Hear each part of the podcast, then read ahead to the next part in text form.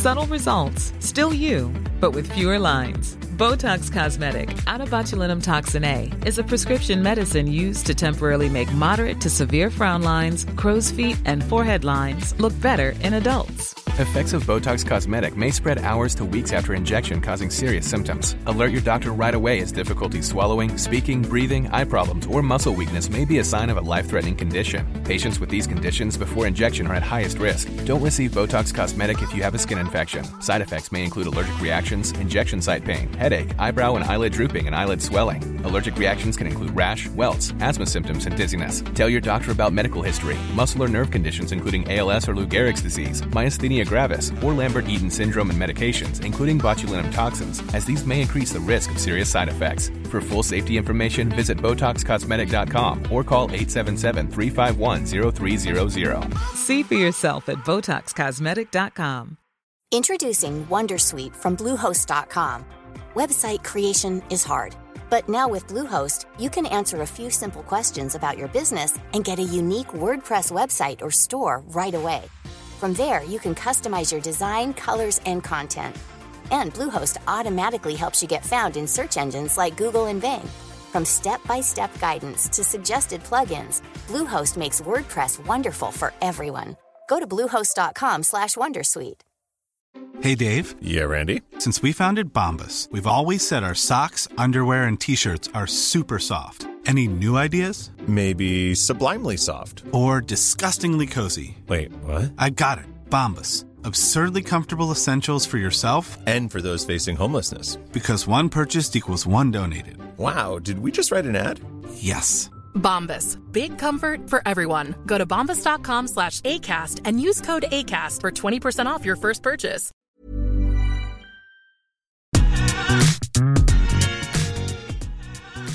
Välkommen till Top of Mind Podcast med mig Ofelia Wistedt. Samtal om marknadsföring, branding och hur du lyckas med din marknadsföring på TikTok som företag och kreatör. Idag har jag med mig Filippa Molier, mer känd som Flipsource. Med sina 500 000 följare på TikTok har Filippa skapat en helt egen nisch som tusentals inspireras av sitt content. Vi pratar om hennes resa på TikTok, jobbet på Jerf Avenue och hur det är för henne att idag leva på sina sociala medier. Filippa Flipsource Molier. Jajamän. Välkommen till Top of Mind Podcast. Tack så mycket. Kul att vara här. Så kul att ha dig med. Hur är läget idag? Det är bra tack. Hur mår du? Det är bra. Och det är andra podden för dig. Känner du lite mer varm i kläderna här nu? Eh, jag är varm i mina kläder. Jag är väldigt varm. men eh, om vi ska prata podd så ja, men jag känner mig lite mer... Eh, det, det känns skönt att liksom ha dragit bort den här första podden. Ja. Så, men jag tyckte det var kul. Alltså, jag var inte så beredd på att det, det var så kul som det faktiskt var. Ja, det är jättekul att prata. Och nu, du som brukar prata så mycket i din eh, TikTok, nu är det dags att eh, ge sig ut och prata här. Exakt, jag får öva mina stämband. Men för de som inte vet vem Flipsource är på TikTok och Instagram, hur skulle du beskriva dig själv? Eh, jag bakom Flipsource då så är ju Filippa Molier. Jag är eh, 24 år, kommer från Göteborg, bor i Stockholm sedan eh, december 2019. Eh, och eh, ja, hur ska man förklara kortfattat? Mi, mina sociala medier är väl lite som en eh, romantiserad eh, vardag. Eller en liten del av min romantiserade vardag rättare sagt, skulle jag säga. Kortfattat. Kort och koncist. Ansiktet utåt för Clean Girl och Day, känner man nog det som. Ja, det har man hört. det, är, det är en rätt bra bild. Ja. Det får jag vara stolt över. Vad är historien bakom namnet Flipsource? Hur kom du fram till det? Ehm, det var faktiskt inte jag som kom på det, utan det var min eh, kompis Robert som kom på det. Ehm, vi, ehm, vi spelade ett dataspel i åttan eller nian, tror jag som han hjälpte mig med att sätta upp en liten profil. Och eh, Då kom han på Flipstores. Och Sen så skapade jag en Instagram-sida, eller en Instagram-profil då, som hette Flipsource, där bara vi två, jag och Robert, då, följde varandra. Eh, och Sen så blev min vanliga Instagram hackad. Nej. Jo, i eh, vad var det, typ ettan på gymnasiet tror jag. Så då tog jag över min Flipsource till mitt main account och eh, resten är historia. Resten är historia.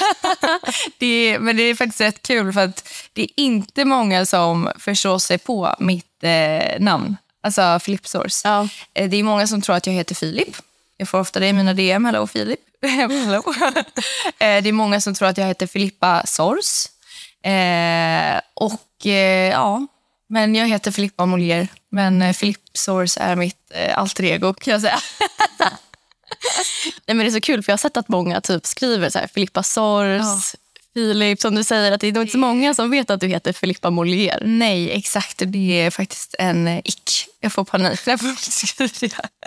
Men eh, ja, nej, men det, är, det är kul att ha ett litet alter ego-namn. Sen Filippa Molier är ju relativt unikt i sig. Ja.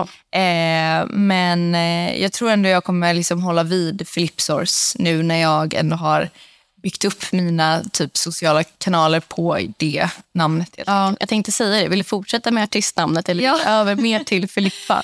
Jag eh, tror faktiskt jag kommer att fortsätta med Flipsource. Men eh, sen Filippa Molier får gärna vara med i lite seriösare sammanhang kanske. Ja. Jag tycker det är kul att man har som ett artistnamn som Ja. många känner den genom. För det finns många som heter Filippa och har unikt efternamn. Så det är Exakt. kul att man liksom har ja, men, eh, ett artistnamn. Mm, precis. Och sen tror jag inte heller många vet hur man uttalar mitt efternamn. Nej. Det får jag ofta frågor om också. Men eh, här hade ni det. Ja, jag hoppas jag har sagt rätt. Ja, du har sagt det. Bra. Jag antog. Ja. Snyggt. Men du har ju berättat i den här tidigare podden du var med i att du började lite mer seriöst med dina sociala medier efter, ja, men under pandemin. Och Du beskrev att ja, men jag la ut på TikTok som en sorts strategi för att hålla mig själv motiverad, att stanna i vanor. Exakt. Var det lite där du kände att du satte nischen som nu har blivit Flipsource, det du känner för? Ja, alltså... Jag har typ inte reflekterat så mycket över det, men jag tror det. Alltså Det är ju lite två sidor på myntet där. för att En del av mig eh, fortsatte ju då såklart eftersom att jag fick det som rutin. Och eh, I och med att jag gjorde det så, eh, så mycket så det var väldigt bra för min mentala hälsa och liksom min vardag gen- generellt att hålla på med det jag gjorde på TikTok i början. Eh, men sen så såklart så såg jag också att det funkade väldigt bra liksom rent strategiskt. Alltså jag fick relativt många följare på en ganska kort tid och eh, ja, men jag har märkt att det, det har liksom funkat. Så det blir lite som en win-win situation. Följarna verkar gilla det, jag mår bra av det. Felix mår jättebra av det som har ett rent städat hem. Jag vill säga Felix är din pojkvän som får njuta av Ja. det städade hemmet som Exakt. blir av dina videos. Exakt, och matlådor och allt sånt där. Så Det är win-win hela vägen.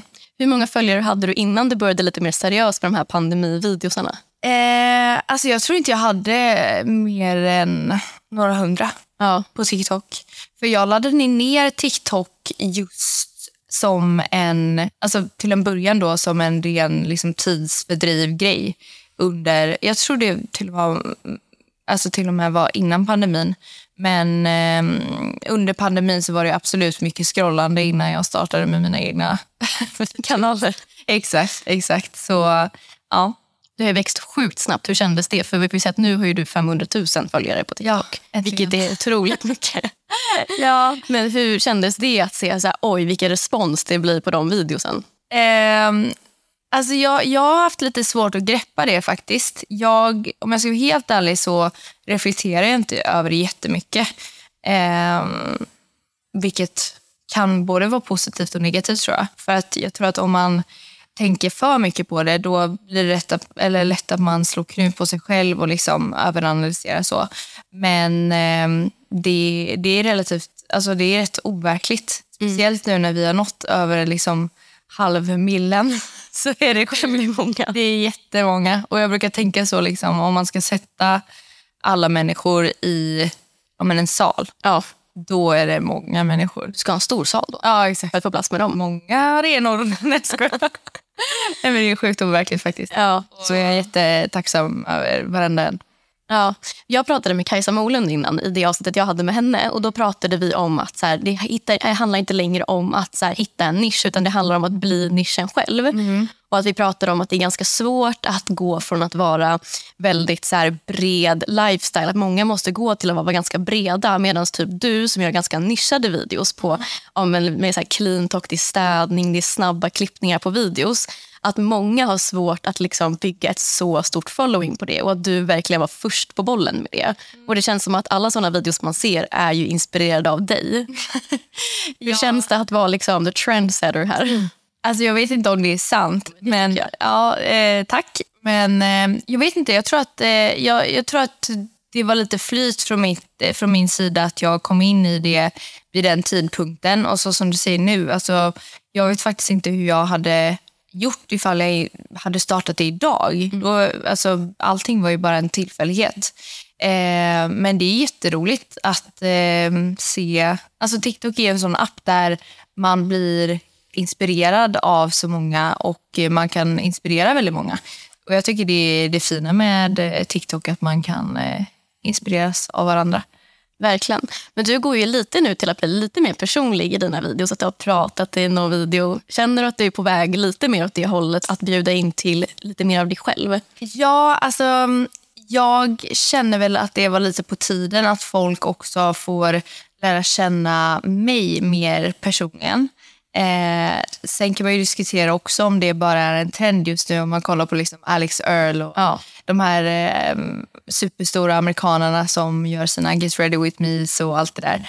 Eh, men jag vet inte, det var nog efter jag, eh, eller när jag började som influencer på heltid som jag kände att jag ville vara lite mer personlig så att folk faktiskt fick lära känna mig också. För jag, alltså stundvis så kan jag också bli oerhört trött på mig själv när det bara är liksom det här perfekta, väldigt tillrättalagt. Eh, alltså, ibland så kan jag bara, oh, orkar inte. Ja, och då är det rätt skönt att kunna vara lite mer öppen och personlig. Mm. Eh, och inte bara på TikTok utan eh, också på Instagram och på Youtube och sånt där. Mm. Men jag känner ju att det är, det är svårare för mig, eller det är ett större steg för mig att gå till Instagram story Ah, hello guys! Ja, men det tror jag många tycker. Den är hemsk. Ah, nej. Alltså, jag tycker det, det känns som en, en helt annan grej liksom, än att jag skulle göra samma sak på Youtube eller om jag mm. skulle göra sak, samma sak på TikTok. För det, um, Instagram har inte riktigt kommit så långt känns det som. Nej, inte till det här pratformatet nej, på samma sätt. Exakt, och det kanske vi kommer se i framtiden. Who knows? Men det känns som att du mjukstartat lite här nu med ett, ett uh, voice filter och pratat ja. dina TikToks. Jag gillar att du har koll på det. Ja, det är jätteskönt. jag, jag hajade till. Jag var så här, oj nu pratar hon. För du brukar inte prata så mycket på din TikTok. Nej, exakt. Och då är det skönt att eh, du menar det här filtret som typ för, förvränger rösten. Ja, precis. Ja, eh, det är jätteskönt när man inte vill höra på sin egen röst. Jag, man är svensk och ska prata. Ja, nej exakt. Och alltså helt ärligt, jag får så mycket, eller inte mycket, men jag får ju ibland eh, lite kommentarer om att det är cringe att jag pratar engelska och sånt där. Så då känner jag bara, okej. Okay. Men det ska vi prata mer om sen. Du har ju en internationell publik så det känns ju verkligen inte cringe att du pratar engelska. För majoriteten av de som följer dig pratar engelska. Ja, förstår bara exakt. engelska. Och jag känner att eh, det, alltså jag bryr mig inte riktigt så mycket om det. Nej. Utan det får ju vara det engelska är ju inte mitt modersmål så det är klart att det kan bli lite grammatiska fel och lite oh, herregud. sådär. Men jag tycker det är jättekul att du bjuder lite mer på dig själv. För de som inte har the fortune att vara vänner med dig på TikTok, de missar ju dina roliga endast för vänner ja. Där du verkligen bjuder på dig själv. Så det känns kul att eh, få se lite mer av sånt på mm. din TikTok just nu. Ja. För det känns så som du säger att många går ju mer mot det här hållet att bli mer personlig. Ja. Känns det lite läskigt för dig att testa på typ sådana saker? Att så här, Eh, känns det som att så här, är du rädd att det är så här, Åh, det här är en trend och jag går för långt ifrån min nisch som verkligen funkar? Eller känns det som att så här, det är självklart att jag ska åt det hållet också? Alltså Det är verkligen både och. för att jag... Eh, jag måste erkänna att jag är lite rädd för att jag kan tänka mig att många liksom då får upp mig på, som följer mig och får upp eh, en video där jag går emot helt det jag brukar göra. Och var så här, varför följer den här personen nu igen? Just det, jag vill se när hon städar, inte när hon står i badrummet och pratar. Ja. Eh, så det kan jag absolut eh, tänka lite på. Men sen, alltså, jag personligen tycker bara det är kul. Alltså, jag gillar ju att följa personer som kan visa sig från fler sidor än bara en. Och Jag tycker det är jättekul att se, ja, men lära känna det är ju så digitalt idag så det blir nästan som att man känner liksom varandra även fast man aldrig har träffats innan. Ja. Eh, och om man är lite mer pratig och lite mer personlig så känns det som en bara enklare grej. Ja, nej, men det känns som att du fick jättebra respons på det. Så jag tror inte att det kommer gå dåligt direkt. Men jag kan fatta att det kanske är svårt då när man som du verkligen har satt en nisch, en typ av video och bara så här, oj, ska jag testa på någonting Ja. helt annat? Eh, eftersom att många pratar så här, det kommer gå mot, mot att det blir som en realityserie att gå in på någons TikTok. Exakt. Eh, och vad ska man göra då? Liksom? Men jag tror att det kommer gå... Ja, det är jättekul att se dig prata och bjuda lite mer på dig själv. Tackar, tackar. Men du har ju även jobbat på Jerf Avenue där du skapade mycket content. Skulle du säga att det utvecklat dig som contentskapare privat att jobba på ett så stort företag när du skapade så mycket content? Ja, alltså mm, jag, det här nämnde jag ju också i den podden jag gästade innan detta, att eh, jag hade inte jobbat så himla mycket med mina sociala medier innan jag började där, utan jag kanske hade gjort ett par samarbeten men eh, liksom ingenting mer än så. Ehm, och sen så kastades jag ju direkt in i här branschen fast på andra sidan. Så det var ju väldigt intressant att liksom börja därifrån och sen liksom se hur jag kunde liksom anpassa det eller sätta in det i mitt. Och just med liksom content så, så har jag lärt mig massor där. Alltså jätte, jättemycket. Det är ju inte bara liksom, jag har inte bara lärt mig om modebranschen alltså så, utan även liksom vissa appar man kan använda, alltså rent så här strategiskt. så. Ehm, jag fick ju lära mig vikten i att vara eh, aktiv på sina sociala medier. Det var en grej som vi var väldigt noga med där. Men eh, det skulle jag absolut säga att det är, jag har lärt mig så otroligt mycket där. Det kändes som ett så himla bra, naturligt jobb för dig. Att du byggde ändå ett ganska stort following under pandemin och sen att gå på ett sånt jobb då. Var det ditt första jobb där du hade liksom, gjorde sociala medier? Eh, ja, det var mitt första sociala mediejobb. Sen hade jag visserligen en eh, praktikplats på Hästens eh, sängar precis innan pandemin drog igång. Eh, men det var verkligen bara så här, jag tror jag var där i typ en månad och allting var på distans. Och jag tänker typ inte ens att det räknas, men då var min roll eh, social media coordinator.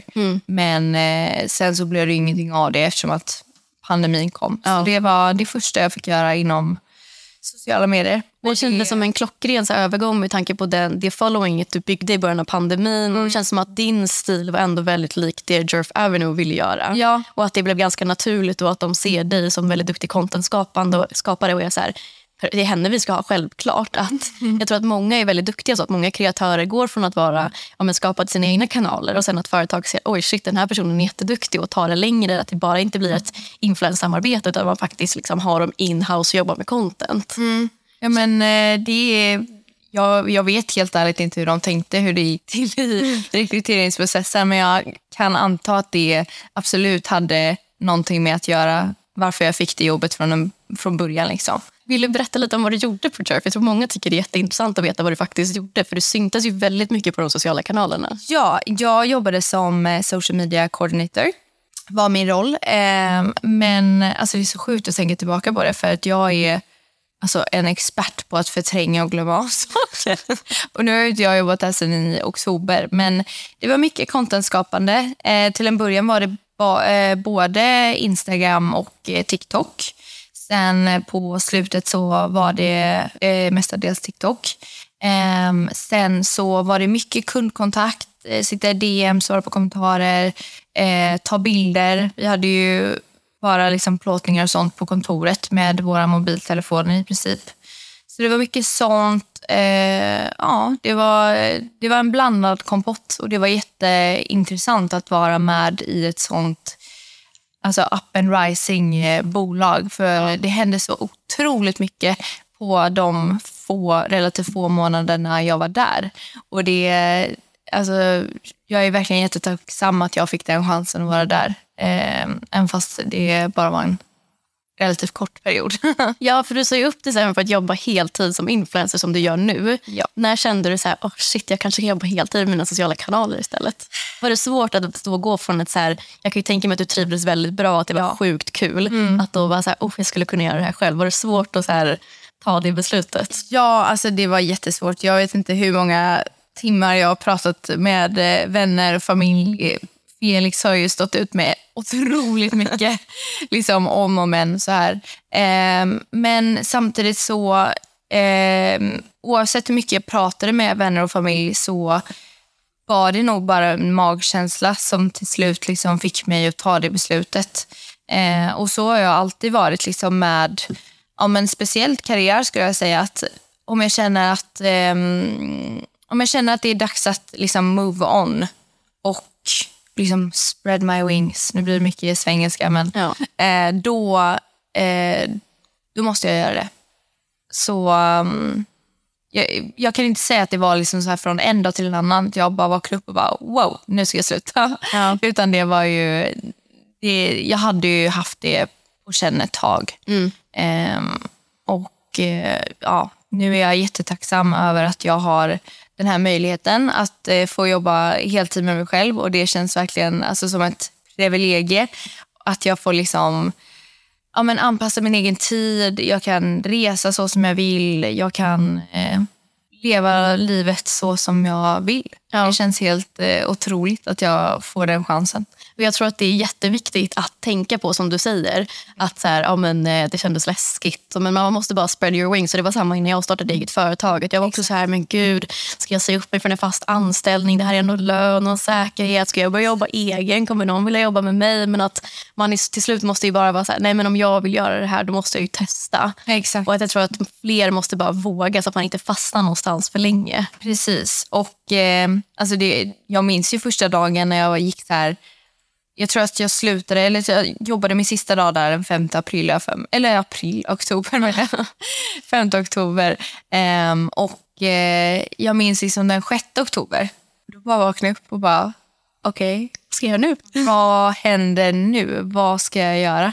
Och Det var ju lite en alltså, inre kris som pågick då. För att jag är ju en stor liksom, trygghetsperson. Och du är säkert också det. Ja. Man, man älskar att ha det tryggt och att eh, det känns skönt att man får in sin lön och att allting är som vanligt varje månad. Liksom.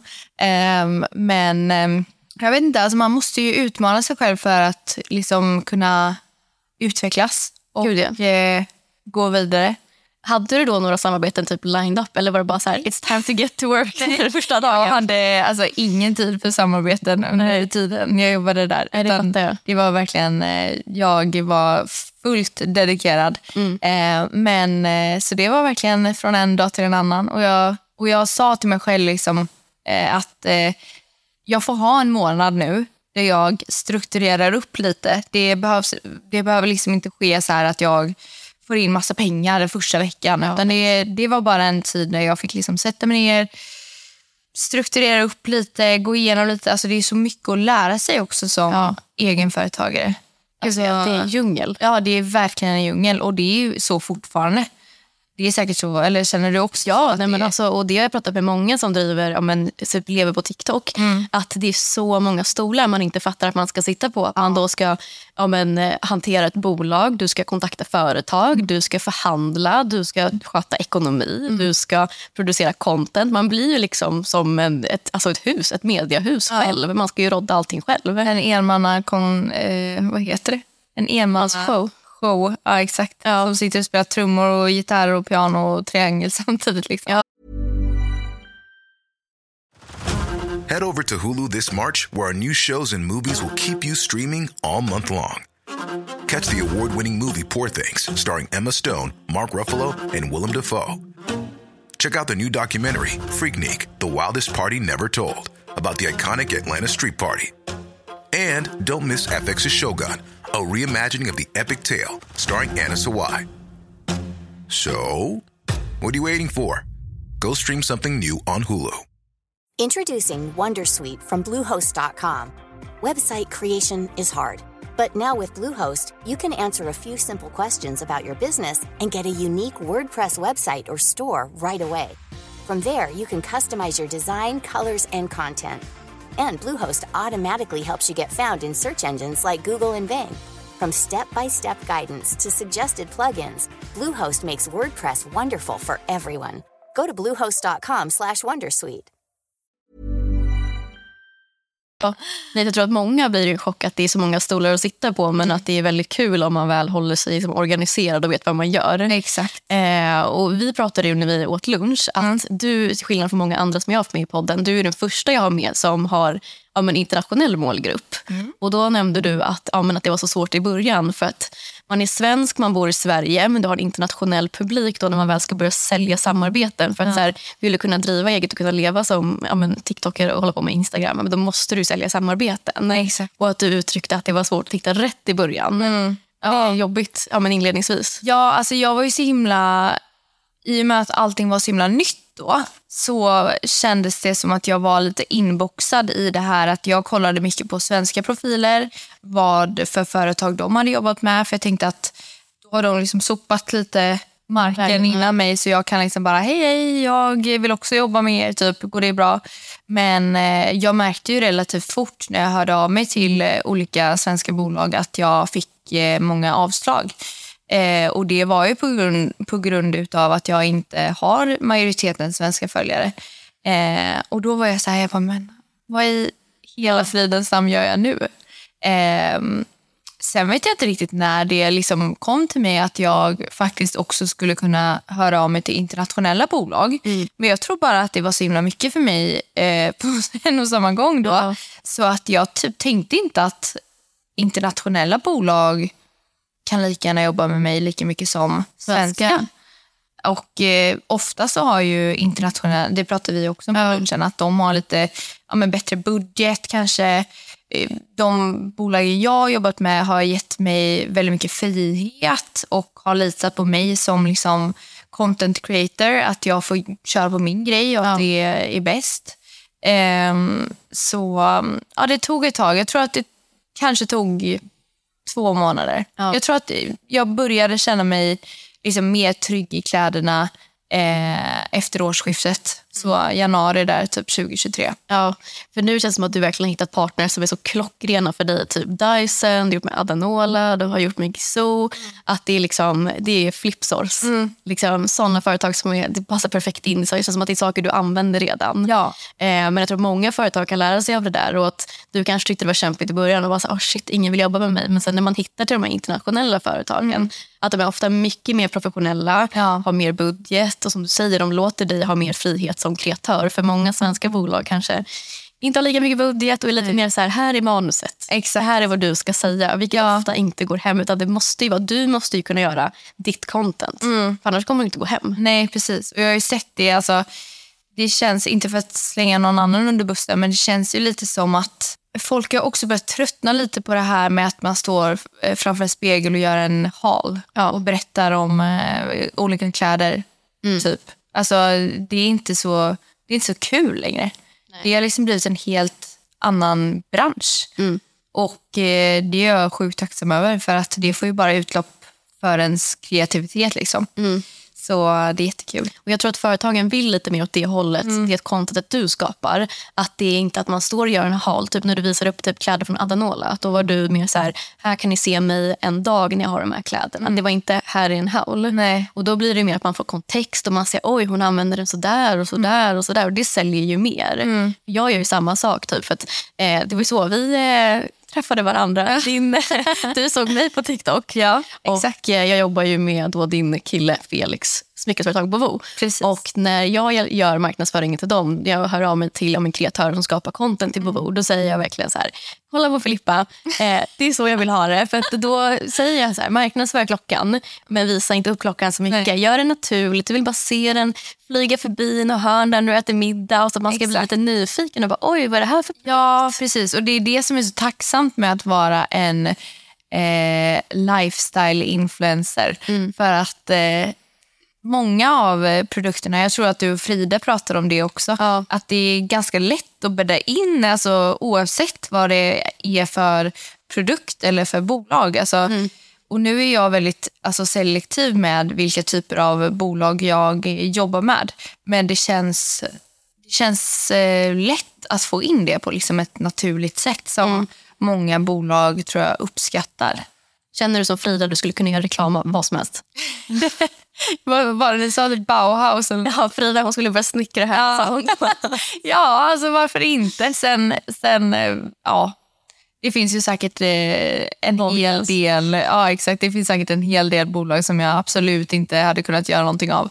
Men eh, alltså, why not? Skulle du säga att du är ganska noggrann med dem du väljer att jobba med och hellre då vill ha så längre samarbeten som ambassadör versus korta Ja. nedslag? Verkligen. Alltså, I början där när jag satt och panikade lite när jag liksom skulle hitta mina första kunder, då, um, då var jag absolut inte lika selektiv. Utan då var det så här, okej, okay, men jag kan ändå stå bakom det här till en viss del i alla fall. Ja. Det var inte så helt åt eh, käpprätt. Liksom. Men eh, nu är det ju, när jag mer kommit in i det, då är jag absolut mer noggrann med att, eh, med att välja vilka jag vill jobba med. Ja. För att det, det kommer ju ut liksom till mina följare och det kan ju, alltså det påverkar ju väldigt mycket tror jag, ens eh, tro, trovärdighet såklart. Ja. Eh, och det är ju det sista jag... Ja, man vill inte kompromissa på sin trovärdighet, tänker speciellt när man har så många följare som du har. Nej, precis.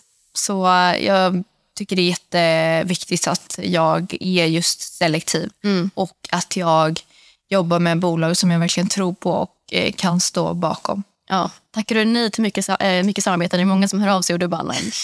ja, ja, det är det. Um, och um, nu kan ju till och med vissa svenska bolag få en liten känga tillbaka som ja. sa nej till mig till en början.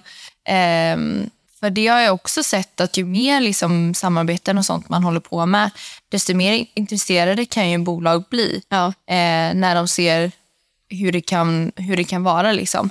Eh, men just med budget och sånt så kan jag absolut tacka nej till vissa som jag en gång hade velat jobba med för att de inte kan betala ett pris. Eh, sen är det ju vissa bolag som är bara så här, jag kommer aldrig göra reklam för er. Ja, aldrig. Finns det någonting du känner att det här skulle jag aldrig göra reklam för? Oj, nu vill jag inte skjuta mig själv på foten heller. Det kan blipa. ja. Nej, men eh, gud vad svårt. Men jag försöker ta så mycket avstånd som jag kan ifrån fast fashion. Mm.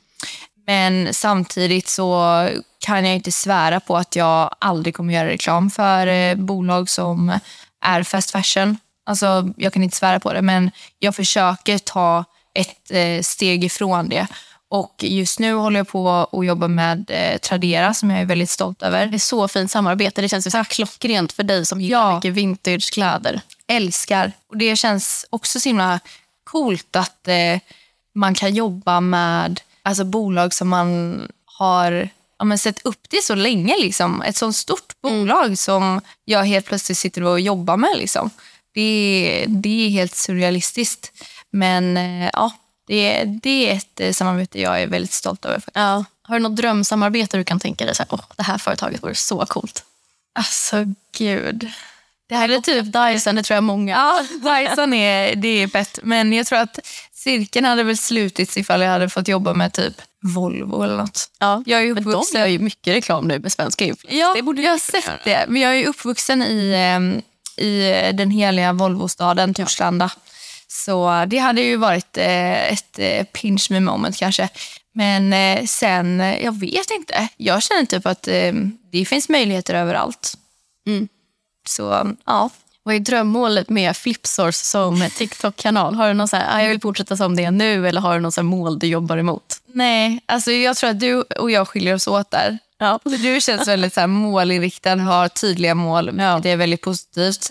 Eh, men just nu i alla fall så går jag väldigt mycket mer with the flow. Mm. Eh, för jag tror att jag alltid har varit så att jag kan lätt bli stressad och eh, så här uppknuten ifall jag har alltså, för höga mål eller om ja. jag ens har ett mål. Men jag tenderar att sätta mål som är svåra att nå. Ja, nej men, och jag tror att man får inte heller vara orimlig där. För jag, tänkte, jag vill gärna prata om din kreativa process också. Och jag mm. tror att i det, det är väl bra att man kanske har något som så, så här, långsiktigt mål. Ja. Men att så här, i vardagen, minimålen behöver ju inte vara liksom helt galet. Utan då är det bättre att man är så här, nej men min kreativa process kan inte begränsas av att jag måste göra någonting. För då kommer det inte bli bra i slutändan. Nej, exakt. Men samtidigt, typ nu när jag stod och trampade på runt typ 400 000 följare, då var ju såklart ett mål så här, klart jag vill komma upp till 500. Ja. För det är ju bara så här, Ja, du är nyligen 500. Nyligen ja. fyllda 500. Ja.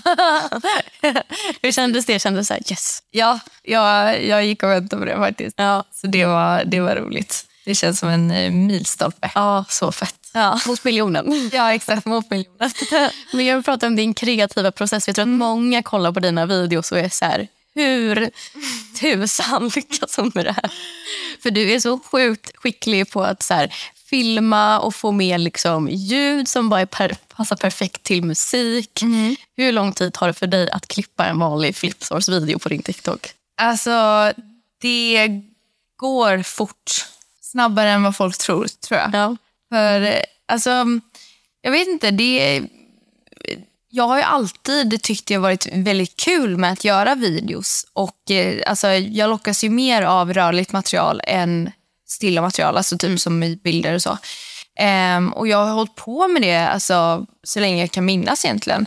Så jag tror att det liksom har blivit en sak jag har liksom lärt mig. Och eh, Det kan man ju också säga att jag har lärt mig mycket på Jeff Avenue när jag satt och klippte mycket där. Ja. Klippte mycket TikToks. Det var ju mycket så här, man kollar trender, man kollar ljud och så. Ehm, så jag tror att folk tror att det tar mer tid än vad det faktiskt gör. Alltså när jag väl sätter mig med min InShot-app och börjar klippa då, tsch, jag kan göra det, jag kan göra det i sömnen. Jag känner att du har jobbat fram det också, den eh, flinkheten. Över Ja. Exakt. Nej, men eh, det, sen såklart, vissa dagar är ju så här...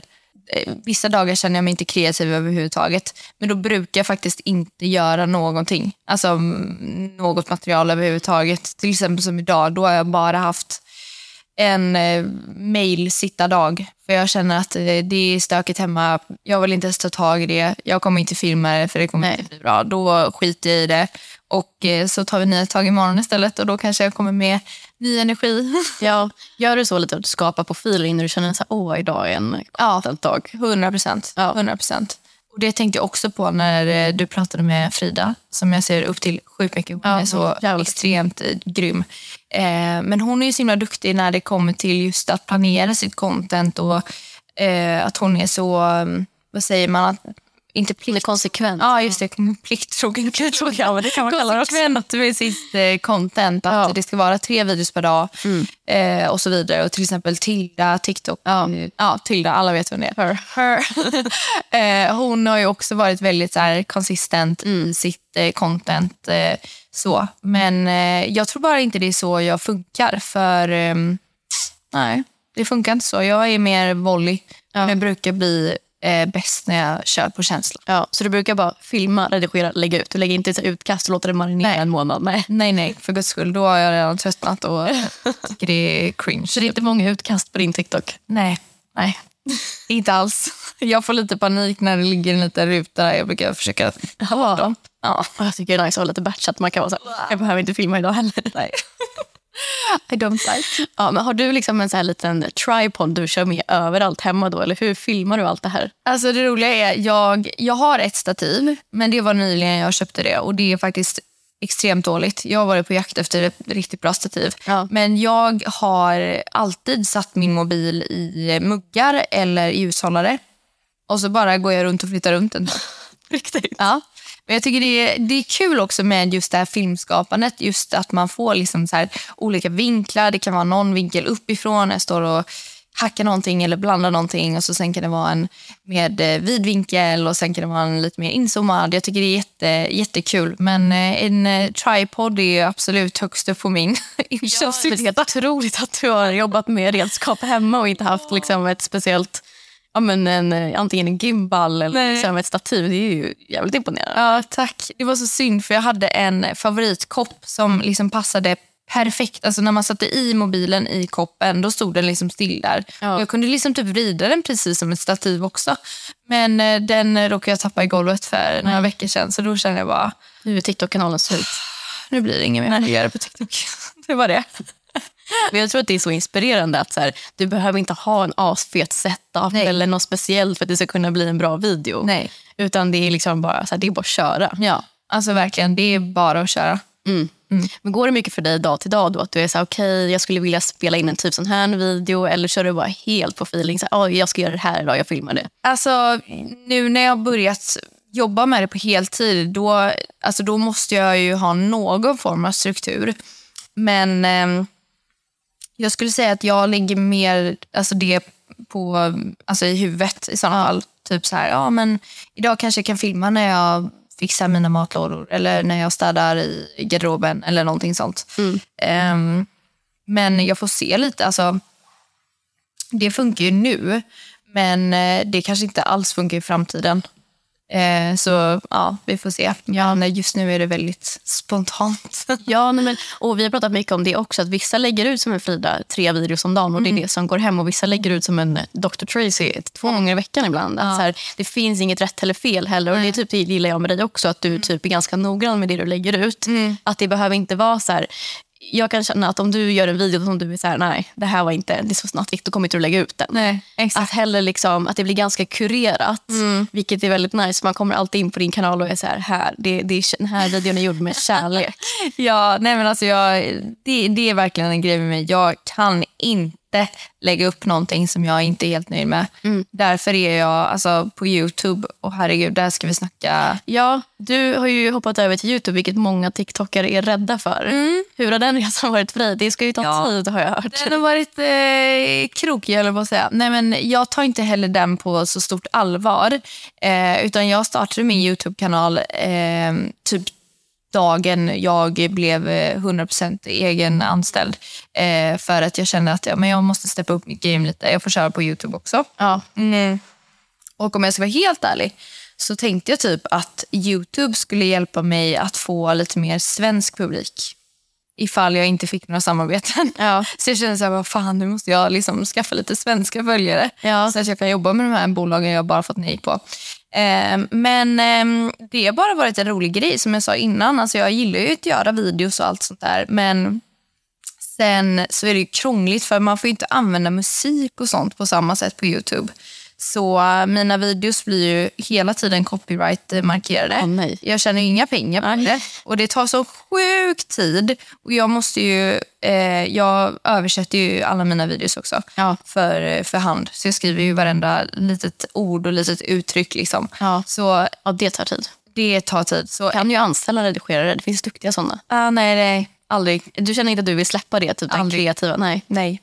Det är det som jag tycker är roligt. Ja. Alltså, det är det enda som jag tycker är kul. Så det har jag aldrig låtit någon Nej, men jag kan tänka dig att du har den passionen liksom för klippning. Att det måste Ja. bli frustrerande då på Youtube där det är väldigt limiterat med vad du kan använda för musik, Ja. Mm. i vilket format och liksom att det är enklare att få ihop riktigt catchy på TikTok i 30 sekunder än liksom en 10 minuters video. Ja, och många säger ju det liksom att de vill se längre videos och sånt där.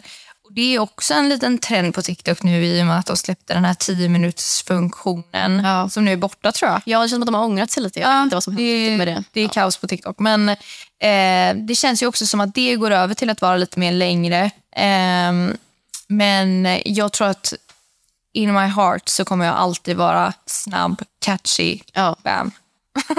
Ja, men det känns som att du ändå fått över det lite till din Youtube, men att det blir som ett längre format av dig. Och jag tror att Ja. många som tycker om dig tycker att det är väldigt kul att få se dig mer prata. Mm. För att man får en helt annan uppfattning av dig. Typ, man, typ om jag har träffat dig så här eller man ser dig på Youtube. Man får ju se mer av dig. vilket Mm. Ja. många tycker det är kul. För då kan man ju bredda sig på ett sätt. Om man känner så här, ah, nej, men det här är vad jag vill göra på TikTok. Men om jag vill bjuda på mer personligt, då kan jag skapa en Youtube-kanal också. Exakt. Att man behöver inte begränsa sig till Nej. någonting. Men jag tror att det är bra att man breddar sig så att man inte fastnar och så bannas TikTok. Liksom. Mm. Nej, precis. Eh, så står man utan jobb. Du har ju som tur är väldigt många följare på Instagram. Ja, nej, men det är jag också tacksam över. Men jag vågar inte lita på Instagram heller. Nej. Det känns som att eh, alla sociala plattformar eh, är lite i virvelvindar. Ja, då. Skulle du säga att du skapar content specifikt för olika kanaler eller tänker du lite så här, det här kan jag använda till typ alla? Eller gör du typ så här, det här är en TikTok-video, det här ska bli en Instagram-bild, det här ska bli en YouTube-video? Ja, alltså, det här tycker jag är lite intressant. För att jag, om jag får ge mig själv lite beröm, så skulle jag säga att jag är relativt bra på att eh, ta vara på mitt content. Ja. Till exempel om jag eh, filmar för eh, TikTok, då kanske jag tar små klipp av det, gör till en GIF till exempel och lägger ut på mitt Instagramflöde. Ja. Eller om jag gör en reel av det. Eh, och anpassar ljud och lite så här. På Instagram ska det inte vara lika snabbt utan det ska vara mer så långsamt och kanske lite mer harmoniskt. Harmoniskt menar jag. Ja. Ehm, men, eh, och till exempel, ehm, Alltså jag, jag, jag tror att det är bra att man eh, tar vara på sitt content så att man inte ständigt behöver skapa nytt och nytt och nytt. Ja. Utan eh, alltså jag är ju all for att eh, reposta saker, sätta ihop till olika karuseller, skriva en liten handskriven text på så är det en helt ny bild. Så um, Jag tror att det är jättesmart, för annars kommer man ju inte bli utbränd av allt Ja. man måste skapa. Ja, exakt. Och jag tror att, eh, jag tror att det är ett eh, vinnande koncept faktiskt för en själv. Att inte sätta sån press på sig själv att ständigt vara så här att jag måste skapa nytt content hela tiden. Ja. Utan att om man har lagt en hel dag på att filma någonting, det är klart att jag ska använda det Maxa på det. Instagram också. Jag ska maxa det ut i fingerspetsarna. Liksom. Det får inte gå till waste. Men när Filippa scrollar på TikTok, vad får du upp på din For You? Oj, Vilka är dina alltså, på TikTok? man, man, eller jag ska säga, inte man. Eh, jag får ju upp eh, väldigt mycket olika. Alltså, det är ju så algoritmen funkar. Ibland om man startar upp på någonting så får man ju upp det tusen gånger. Nu är jag ju inne på Sofia Richie oh, wedding Alltså, TikTok.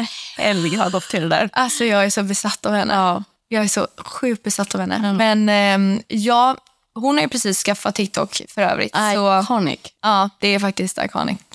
Men ehm, ja, vilka får jag upp? Det är väl typ Sofia Richie. Jag får ju upp mycket... ehm, Alltså inte så mycket som jag trodde faktiskt, eh, vlogg-content. För ibland så letar ju jag eh, faktiskt efter vlogg-content just eftersom att jag ska hitta typ låtar och sånt där som passar på mitt egna content. Ja. Ehm, men gud, det är liksom allt från mukbangs till hauls till vintage eh, grejer. Det kan vara tips, alltså rent bara tips, städvideos.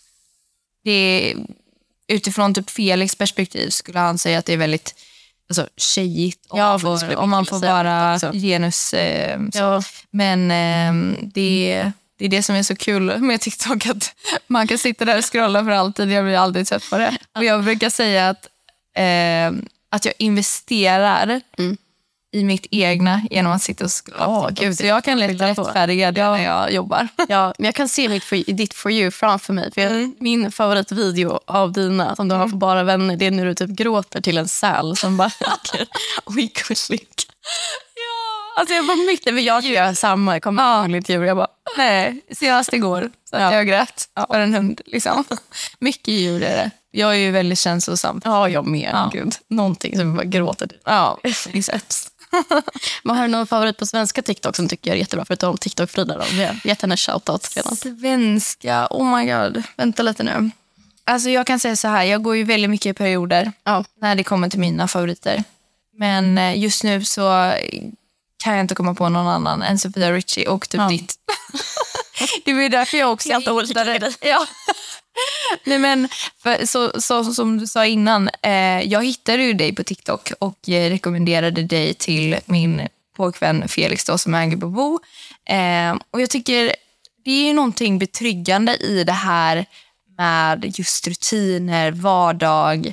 Att eh, du kan ladda upp en blogg som kanske ser typ lite likadan ut. Ja. Är, du kommer till kontoret, du är produktiv och bara sitter där och tar en bulle på Kaja-kontoret. Och så, Alltså jag blir lika förvånad varje gång. Man bara, ah, 100 000 tittar på den här. Man bara tröttnar inte till slut. Alltså, nej, alltså nej. Ge mig samma video varje dag och jag kommer älska dem. det, det är ombyte med fikat i alla fall. Ja, exakt. exakt. Mycket fika på det kontoret. Men jag tror också att eh, jag tror också det är lite som med mina videos faktiskt. Att det är lite sån här trygghet. Ja, man vet vad man eh, förväntar sig Ja, vad man får. typ. exakt. Så um, nej men det gillar jag. Ja, rutin och ordning och reda. Och avslutningsvis, vad skulle du säga är ditt bästa tips till up and coming kreatörer? Oj, vad svårt. Alltså, jag tror att ehm, man får gå in i sig själv lite och tänka typ, vad är det jag vill få ut med mina sociala medier? Är det att eh, man vill som mig typ få in en rutin, alltså bara vara rent självisk, som jag under pandemin när jag började med TikTok? Är det att man vill få ut något specifikt budskap? Är det att man vill bygga ett community? Är det att man vill jobba med sina favoritbrands? Eller är det bara för att det är en kul grej? Jag tror att när man vet liksom typ varför man gör det, då tror jag det kommer bara gå hur bra som helst. För då vet man liksom i grund och botten vad ens typ värderingar är och vad man tror på. Liksom. Ja. Så bra tips. Ja, bara Flipsource Molier. Stort tack Jajamän. för att du var med i Top of Mind Podcast. Tack så jättemycket för att jag fick komma. Det var jättekul.